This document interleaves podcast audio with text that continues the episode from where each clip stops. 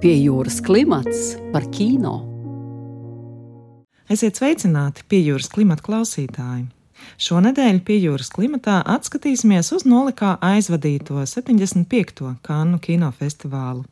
28. maija vakarā Kannu kinofestivāla apbalvošanas ceremonijā triumfēja zviedru kino režisors Rūbens Estlunds, kurš pirmo reizi zelta palmas zaru saņēma vēl pavisam nesen, 2017. gadā, par savu iepriekšējo filmu Kvadrāts. Estlunda jaunākais veikums, filma Skumju trīs stūris, kuras nosaukumā ietverta atsauce uz pieras daļu starp uzacīm, kura visstraujāk rodas mīmikas rievas, ir alegorisks skatījums uz mūsdienu sabiedrības elitārās daļas dzīvesveidu un tikumiem. Režisors skaidro, ka viņa filmas rašanos iedvesmojusi marksismu teorija, kas apgalvo, ka mūsu uzvedību ietekmē mūsu novietojums finanšu hierarhijā. Laureātu sarakstā iekļuvuši vēl divi ziemeļvalstu kinoveidotāji - Alija Basī, kura filmas Svētais zirneklis, Holly Spider, aktrise Zāra Amira Ebrahīmī saņēma balvu par labāko aktieru darbu, kā arī Tareks Saleks, kurš tika apbalvots kā labākais scenārija autors par savu filmu Zēns no debesīm - Boy from Heaven.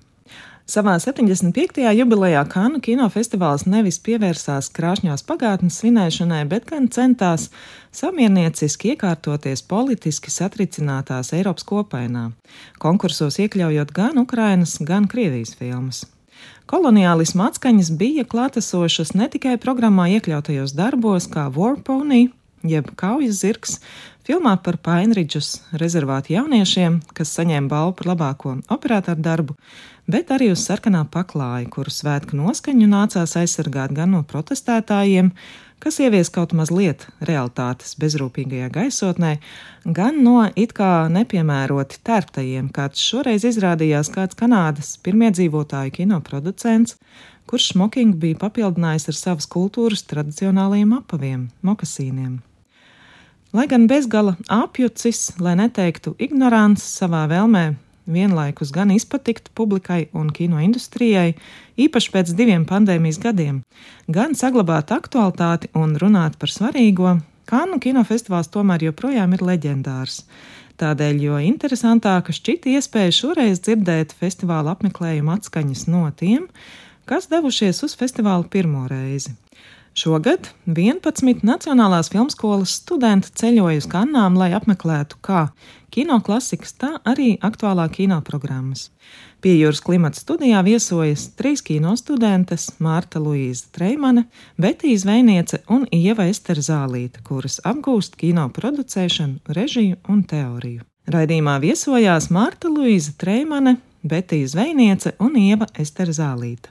Dzirdējām Jiržī Šiltra un Jiržī Šusta mūzikas no Veras Hitīlovas filmas Margrietiņas, kā arī mūziķu Kristofera Streisija un Matovai Jahī, kuri sadarbojušies Warpony skaņu celiņu izveidē kompozīciju fragmentus. Pie jūras klimata vadīja Sonoru Broka un Monteja Judīta Bērziņa. Raidījums tapis ar valsts kultūra kapitāla fonda atbalstu.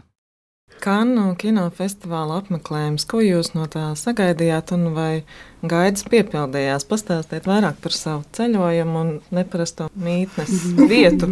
jā, jā. Viennozīmīgi iespaidi ir vēl joprojām, un man šķiet, ka vēl kādu laiku mēs varēsim reflektēt uz aizvadītajiem notikumiem, jo tiešām tā bija virkne un tik daudz un koncentrēti gan pati filmu skatīšanās. Es noskatījos 23 filmas septiņu dienu laikā. Man šāda pieredze iepriekš nav bijusi. Protams, vide un kurorta pilsēta, pilnībā cita sabiedrība. Tas viss veido bagātīgu pieredzi. Un, jā, mūsu mītnes vieta bija jahta, kas šķiet varētu būt liela grazna jahta, bet patiesībā tā bija drīzāk kā telts pieredze un tāds studentu filmu festivāla apmeklēšanas variants, bet tiešām tā bija arī vērtīga, vērtīga pieredze. Tās sajūtas joprojām mēs esam emociju pārņemtas noteikti. Un tā nu mēs no šīs jaktas, no šīs telts sajūtas katru rītu cēlāmies un skrējām uz rīta sēnciem un vakarā uz uh, sarkanā paklāja pirmizrādēm. Kanu kinofestivāls noteikti ir viens no lielākajiem kino industrijas pasākumiem, un tas, ka mēs esam studenti, ir ārprātīgi skaisti, ka mēs vispār tur varam būt. Un, protams, tas uzreiz ir kaut kāds tāds ekspektācijas pret realitāti moments. Pirmkārt, jau tas, ka tas notiek kurortu pilsētā, kur ir karsti. Un tad visi šie cilvēki uzvalkos un klaunījās drēbēs, un tad tu ieeji pēc tās karstās dienas vēsajā kinozālē un sākas filmu, un puse zāle guļ. Jo ir šis kontrasts temperatūra. Jā, jā un uh, tas uh, viss festivāls ir brīnišķīgs, bet kaut kā tu to redzi reālajā dzīvē, un tas, protams, ir citādāk. Man atkal bija tāda pieredze, ka es rudenī biju Venecijas kinofestivālā. Līdz ar to man bija vēl viens cits lielais pasaules kinofestivāls, ar ko salīdzināt šo pieredzi. Arī tur visnotaļ bija karsts. Tā, man liekas, tāda festivāla specifika, kad cilvēki atnāk no tās karstās dienas melnajā kastē, kurā ir kondicionieris. Gribot, negribot, uznāk tā noguruma sajūta, un cik nu tev pašam ir iekšā tas spēks izcīnīt ar sevi to cīņu. Manas expectācijas gan uz Veneciju braucot, gan uz šo festivālu braucot, bija braukt bez pārāk lielām expectācijām, jo kolīdz tev ir kaut kāda doma vai pat saraksts ar filmām, kas grib redzēt to, to, to, to. Tu zini, kā tā sistēma strādā. Tu zini, ka visticamāk ja tu baigs atcerēsies uz kaut ko, tu nedabūsi vietas vai kā, un tu jutīsies vīlies. Mana tā pieeja bija tāda, ka es eju uz ko vien es tieku, es skatos, ko vien es varu, es vācu, ko vien es varu, savai pieredzēji, apgūstu to pasaules kino, kādu es vien viņu varu. Un tas arī dod to savu veidu gandarījumu, ko līdz tev nav tās nenormālās expectācijas, ka es tagad būšu pasaulē lielākajā kinofestivālā un starp visām zvaigznēm. Tā nedaudz piezemētāk, varbūt studentīgi, bet uh, tas arī savu veidu cita rakursa pieredzi dod. Un patiesībā katram no mums tā pieeja kinofestivālam bija citādāka. Mm. Cits no mums uh, tiešām ārprātīgi precīzi izplānoja, ko tieši viņš vēlas apmeklēt. Cits vienkārši staigāja līdzi tam, kurš zināja, kur iet. Arī tas, ko mēs gribējām redzēt, bija ļoti atšķirīgs. Lielākajai daļai tomēr gribas redzēt tās jaunākās filmas, būt pirmajiem, kuri ir tajā pirmizrādē. Piemēram, man nu, visvairāk patīk iet uz klasikas sensiem. Tu redzi to klasiku atjaunotā versijā uz lielā ekrāna, kannās, un tā ir kaut kāda pavisam cita pieredze. Jā, jūsu kanu kino programma iesākās ar Žana Eistāša vairāk kā trīs stundu garo filmu La Mamane, La Putana no Cannes Classics programmas mm. ar Frančisu Trifo, slaveno aktieru Žanu Pierre Leo. Kāds bija šis kino ceļojums? Tā man šķiet ir filma, kuru es atceros uh, vienu no visspilgtākajām, mm. jo tā bija pirmā, un katru filmu skatoties, tas fokus sāk uh, samazināties, tāpēc tiešām pirmās filmas ir tās, kuras mēs atceramies vislabāk, un uh, pirmais iespējas ieiet kino zālē, uh, man šķiet debesī uh, zālē, Man liekas, ka savā ziņā vērienīgi, bet arī ļoti interesanti izvēle, ka festivāls nosacīti tiek atklāts ar šādu klasikas filmu kuru es nebiju redzējis. Es tagad esmu ļoti priecīga un pateicīga, ka man bija tāda iespēja uz lielā ekrāna meistara darbu redzēt. Kad uh, mēs iestājāmies kinoskolā, Jānis Putniņš mums uh, pirms mācību uzsākšanas atsūtīja simts filmu sarakstu. Un šajā simts filmu sarakstā, kuras obligāti ir jānoskatās pirms tu sāc mācīties, bija arī šī filma. Un es nebiju viņu redzējusi, bet es esmu ārprātīgi priecīga, ka es to redzēju tieši Kannās. Uz vietas bija arī galvenais aktieris. Jā.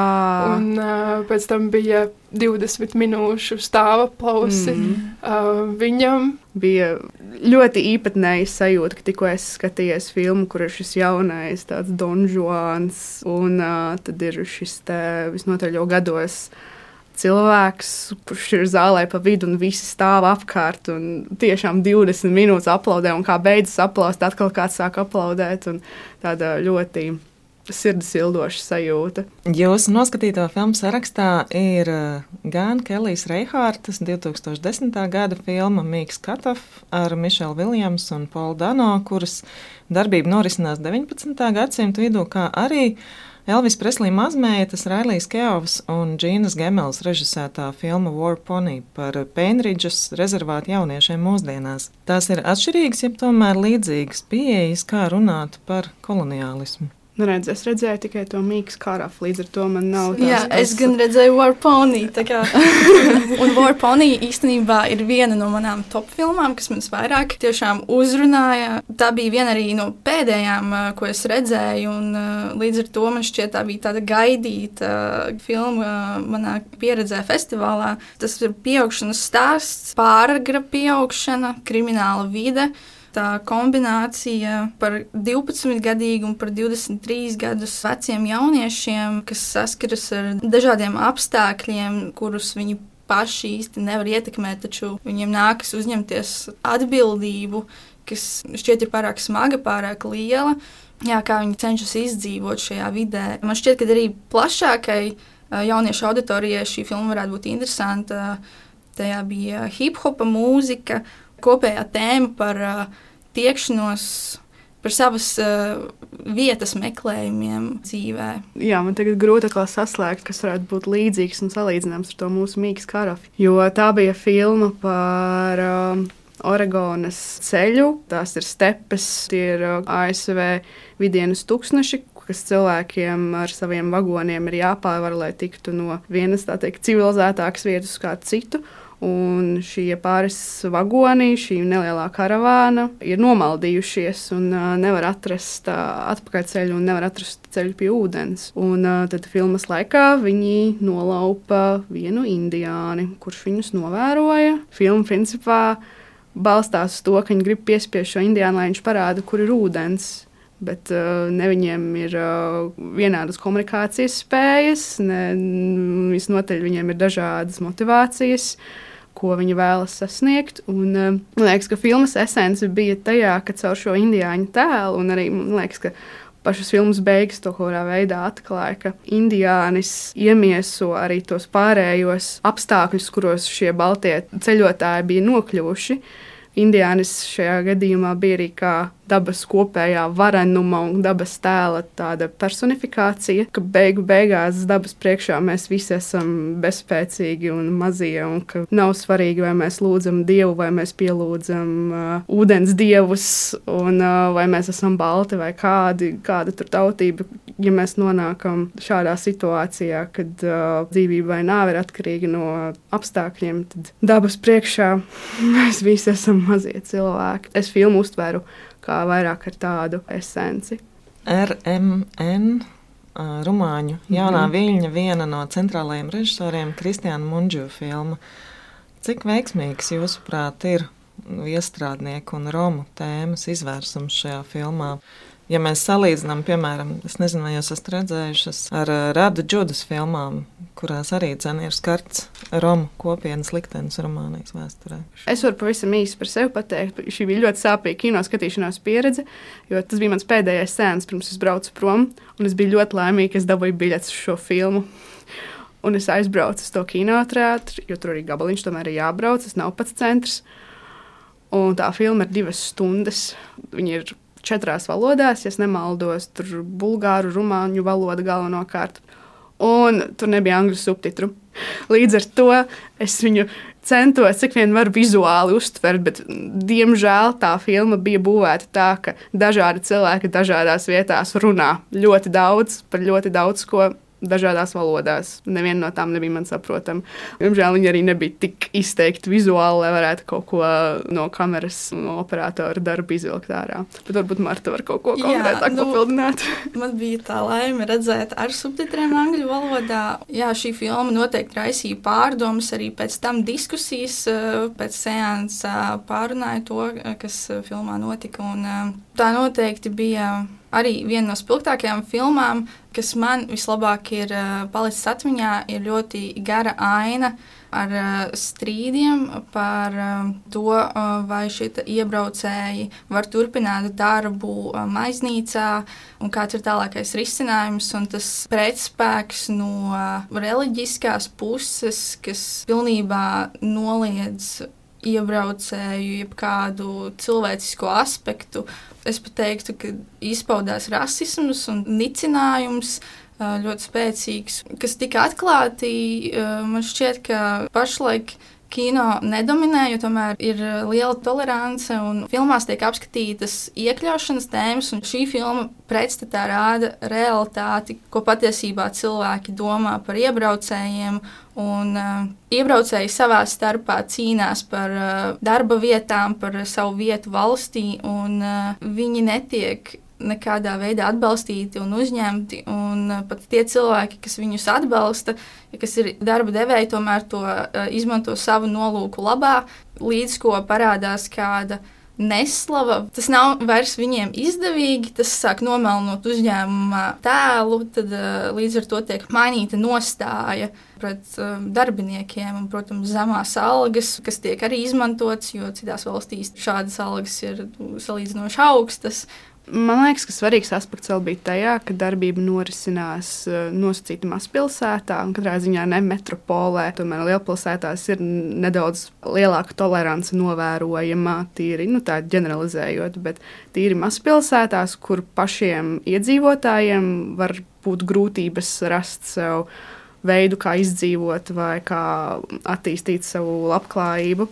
Ja tīpaši tur nokļūst imigranti, tad uh, var rasties asas situācijas. To varēja ļoti labi nojaust tieši to mazpilsētas, to sāpju, to aspektu, ka nu, mēs taču esam te nosacīt vienkārši lauku ļaudis un atbrauc kaut kādi iebraucēji. Tieši tā, nu, ko jūs mums ņemat darbu no es par pārējo kontekstu runājot. Um, es diezgan daudz filmu redzēju, kur ir runa par mazajiem ļaudīm.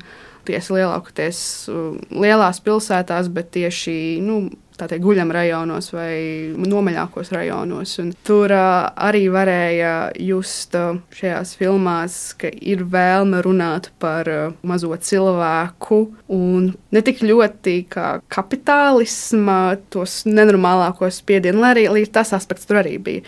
Bet ir jā, tās sociālās uh, vairāk problēmas starp grupām, starp to, ka ir tie svešie un mēs. Gan šajā filmā, gan arī citās to varēja ļoti labi pamanīt. Somu jaunā režisora Miko Mililahtī debija pilnmetrāžā The Woodcutter Story, jeb meža cirtēja stāsts kas sasaucas gan ar Akiju Kaurismeki, gan Roja Andersona mm -hmm. filmu estētiku. Vai šī filma jums bija pārsteigums, jeb tā atbilde priekšstatiem par Ziemeļvalstu un konkrēti Somu? Man tā kino? filma bija pārsteigums, un man vēl uh, patīkamāk dzirdēt, uh, ka tu pateici, ka tur gan Rojas Andersons, gan uh, Kaurismeki, jo tas bija tieši tas, ko es domāju skatoties šo filmu, ka tā ir kaut kāda veida hibrīds, kas tur ir izveidojies. Un, uh, man paveicās būt uz sēnes, kur pats uh, režisors ar komandu teica ievadvārdus.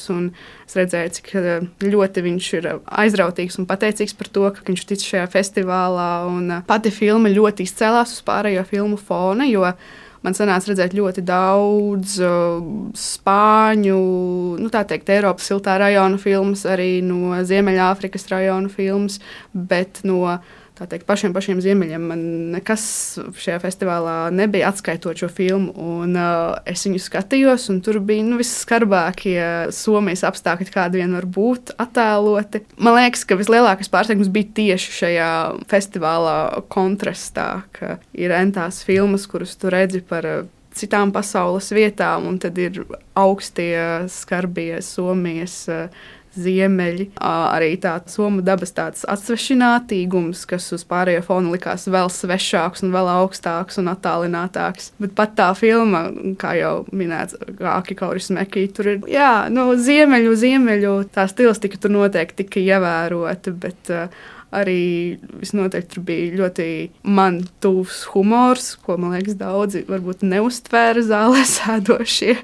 Bet visnotaļ filma, kura palika prātā kuru varbūt pat vērts būtu vēlreiz noskatīties. Jo grūti bija atkal tieši tādēļ, ka Betija runāja par to silto gaisu, kas ir ārā, un ka tu ienāc tajā augstajā zālē, un uh, tev rāda vēl augstu filmu, un tad rodas kaut kāds ļoti savāds arī tīri fizioloģisks kontrasts. Tā filma varbūt uh, prasās vēlreizēju skatīšanos ziemeļu apstākļos. Realitāte tas, ka kinofestivāls notiek Francijas dienvidos, tā realitāte ārā no kinoteātriem ir tik krasi atšķirīgi. pret to kino pasauli. Un uh, tas vēl vairāk nošķir to realitāti no ekrāna. Jā, es arī piekrītu, ka mēs visticamāk daudz citādāk uztvertu filmas, ja tas būtu, piemēram, viens sēnes dienā, nevis ceturtais mm. vai piektais, kā arī, protams, izējot laukā industrija un viss tas, kas notiek apkārt, tas noteikti atstāja tādu citu uztveres līmeni un iespēju piešķir, kā mēs filmas redzam, un vēl paturpinot par The Woodcutter's Story, tad tā arī bija mana viena no retajām Ziemeļvalstu filmām, radot lielu kontrastu, visspilgtāk no šīs filmas palika atmiņā tās pēkšņās vardarbības izpausmes un uzploksnījumi, kas nav nemaz gaidīti. Un uh, tad tiek pa laikam uh, caurvījās filmas laikā. Bet, ja tu noskatījies Holijas Paideru, kuras režisora Alijā Basa iepriekšējā filma Robeža ir pazīstama arī Latvijas skatītājiem. Halijas Pēdera ieguva izteikti pretrunīgus žūrijas vērtējumus žurnāla Screen festivāla speciāla izdevumā. Kā tu skaidrotu tik neviennozīmīgas atsauksmes? Šī filma bija mans pēdējais sēns Kanu kinofestivālā, un es biju uz pirmizrādi, kad režisoram tika dots vārds. Kaut kā tā filma šķita uzreiz tik īsta, jo tas ir stāsts balstīts patiesā notikumā par vīrieti, kurš uh, savāca prostitūtas no ielas un pēc tam tās nogalina. Bet ar savu uzskatu, ka viņš tādējādi attīra savu pilsētu. Tad, kad realitātē no, šis notikums notika, tāpat tas ir attēlots arī filmā, viņš tika ļoti atbalstīts no cilvēku puses, jo cilvēki saprata viņa rīcību. Tas, ka šis notikums parāda, cik ļoti cilvēkiem var būt atšķirīgi uzskati. Daudziem šķiet necilvēcīgi. Es domāju, varbūt tieši tāpēc arī šī filma iegūst uzreiz kontroversālu diskusiju. Pati filma bija ļoti baudāma, es teiktu, un viņa bija meistarīgi veidota, arī bija ļoti skaists operatora darbs. Tad tajā bija kaut kāda ārprātīgā sajūta, ka šis ir patiesa stāsts, šādi notiek ir cilvēki, tas, ko es redzu, kuri to atbalsta. Un, protams, tas jautājums, vai kaut ko tādu vajag parādīt, jo tas uzreiz var liecināt, ka būs cilvēki, kurš skatīsies, un varbūt viņi arī to atbalstīs. Nu, ko tu izvēlēsies parādīt, ko tu izvēlēsies stāstīt. Režisors šo filmu taisīja tieši redzot šo netaisnību šajā situācijā. Arī uz uh, filmas pirmizrādi, uz sarkanā paklāja, uznāca meitenes, kuras iztina rulli ar uh, visu reālajā dzīvē, konkrētajā gadījumā, nogalināto sieviešu vārdiem, tādējādi tā pieminot viņas, jo tie vārdi, tie konkrētie cilvēki šādos gadījumos arī paliek par tikai tādiem tēliem, bet šeit viņas tika atzīmētas arī nu, kā reālie cilvēki. Jūs visas esat redzējušas Mārtiņa Īdena režisora Pietro Marčelo jaunāko filmu Lanvolu jeb Sārtās būras, kas ir uzņemta pēc Aleksandra Grīna mm. literārā darba motīviem. Līdzīgi kā savās iepriekšējās filmās, Marčelo izmanto gan kroniku materiālus, gan arī dažādu kinožanru apvienojumus un atsaucas uz kino klasiku. Kāda bija jūsu iespēja? Tas bija ļoti sapņains seans. Tā visa filma bija kā sapnis, bet es to nedomāju kā banālā veidā, kā bieži vien mēdz uh, izmantot sapņu tematiku. Lai parādītu kaut ko seriālu un kaut ko nenosacītu. Šī filma gan arī bija kā pilnīgi jauns žanrs, kuru viņi nevar ielikt kaut kādos jau eksistējošos rāmīšos. Tas bija absolūts tāds uh, mākslas darba plūdums un kaut kas ļoti negaidīts, patīkami skatāms. Jā, bet tā Vi, ne, vizuāli tiešām tā bija viena no baudāmākajām mm. filmām festivālā. Tā bija katrs kadrs bija pastkartīte, tiešām brīnišķīgi. Jā, es varu vienīgi pievienoties. Vai jums pēc brauciena ir mainījies priekšstats par to, kas šobrīd notiek un ir aktuāls pasaules kino? Kādas bija tās tendences, ko jūs novērojāt? Es domāju, ka man īsti nav mainījies. Man liekas, ka par tendencēm arī grūti runāt, tāpēc ka es pieņemu, ka katrai no mums izveidojās sava veida programma, kuru mēs redzējām. Man sakrita tā, ka tās filmas, ko es redzēju, bija par uh, mazais cilvēks uh, guļam rajonos, uh, lielpilsētās, par tāda veida cīņām ar sevi un uh, sabiedrības augstāk stāvošām grupām tā, man liekas, visnotaļ ir jau eksistējoša tendence gan Eiropas kino, gan arī, acīm redzot, visnotaļ pasaules kino. Līdz ar to manī tas nepārsteidz, un man pat brīžiem gribējās tajā nejaušības sarakstā, ko es biju izveidojis, tieši gribējās kaut kādu nu, pārsteigumu, kaut ko citu, kaut kādu kriminālu trilleru, piemēram, redzēt. Jā, man izteikti dominēja šādas sociālās drāmas, kuras, jā, attiecīgi man neradīja pārsteigumu sajūtu. Man līdzīgi nu, krasi nemainījās viedoklis vai redzējums uz kino, bet man tieši nostiprinājās mana pārliecība par to, ka tā kā kino ir eh, tik salīdzinoši nesena māksla, tā ir ļoti īsa vēsture pagaidām, atšķirībā no citām mākslas formām. Un tas, ka mēs esam kaut kādā ziņā tikai tā kino attīstības sākumā, eh, mums ļauj eksperimentēt, un ir tik daudz vēl ko pētīt, formas, tēmu, jebkurā kino elementā. Un tāpēc arī vislabākie iespēja atstāt tās filmas, kurās tu redzi kaut ko jaunu, piemēram, mm. tā kā filma EO. Man šķiet, ka mēs arī visas redzējām, un mums bija ļoti krasas diskusijas tieši studentu starpā mm -hmm. tieši par šo filmu, jo nu, tā stilistiski atšķīrās no visām pārējām. Jā, pat ja ļoti daudziem nepatika tas saturs vai stāsts, tieši formas ziņā, tad mēs ļoti daudz diskutējām tieši par šo filmu. Jā, man nostiprinājās tā pārliecība, ka kino vēl ir ļoti daudz ko darīt. Jā, noteikti. Man sākotnējās ekspektācijas bija, ka tiks skartas gan sociālas tēmas, ģeopolitiskas tēmas, un tas arī nostiprinājās, arī seksualitātes tēmas.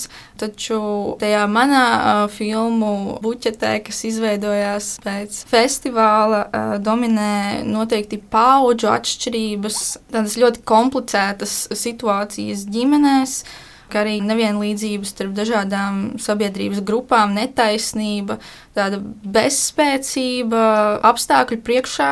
Tie centieni rīkoties, protestēt, saglabāt to cerību par kādām iespējamām pārmaiņām. Bet man liekas, Betī, tu ļoti labu lietu pateici tieši par formu, jo ne tā tēma vai filmas saturs ir tas, kurš tevi var mūsdienās kaut kā pārsteigt vai aizraut, bet tieši tā ir tā forma, un tu redzi, ka radošā komanda ar režisoru priekšgalā ir ļoti strādājuši pie jaunas formas meklējumiem, pie tā, ka kino primāri ir vizuāls mākslas veids, tās filmas, kurās tu jūti, ka ir kaut kas īpašāks ar montāžu darīts, kaut kas īpašāks ar krāsām, ka tas pēc apstrādes process ir bijis jau pašā filmas sākumā galvā ka tās filmas kaut kā īpašāk paliek sirdī un galvā. Jā, piemēram, šogad Kanu klasikas programmā bija mana mīļākā filma. Tā ir uh, Čehu jaunā viļņa filma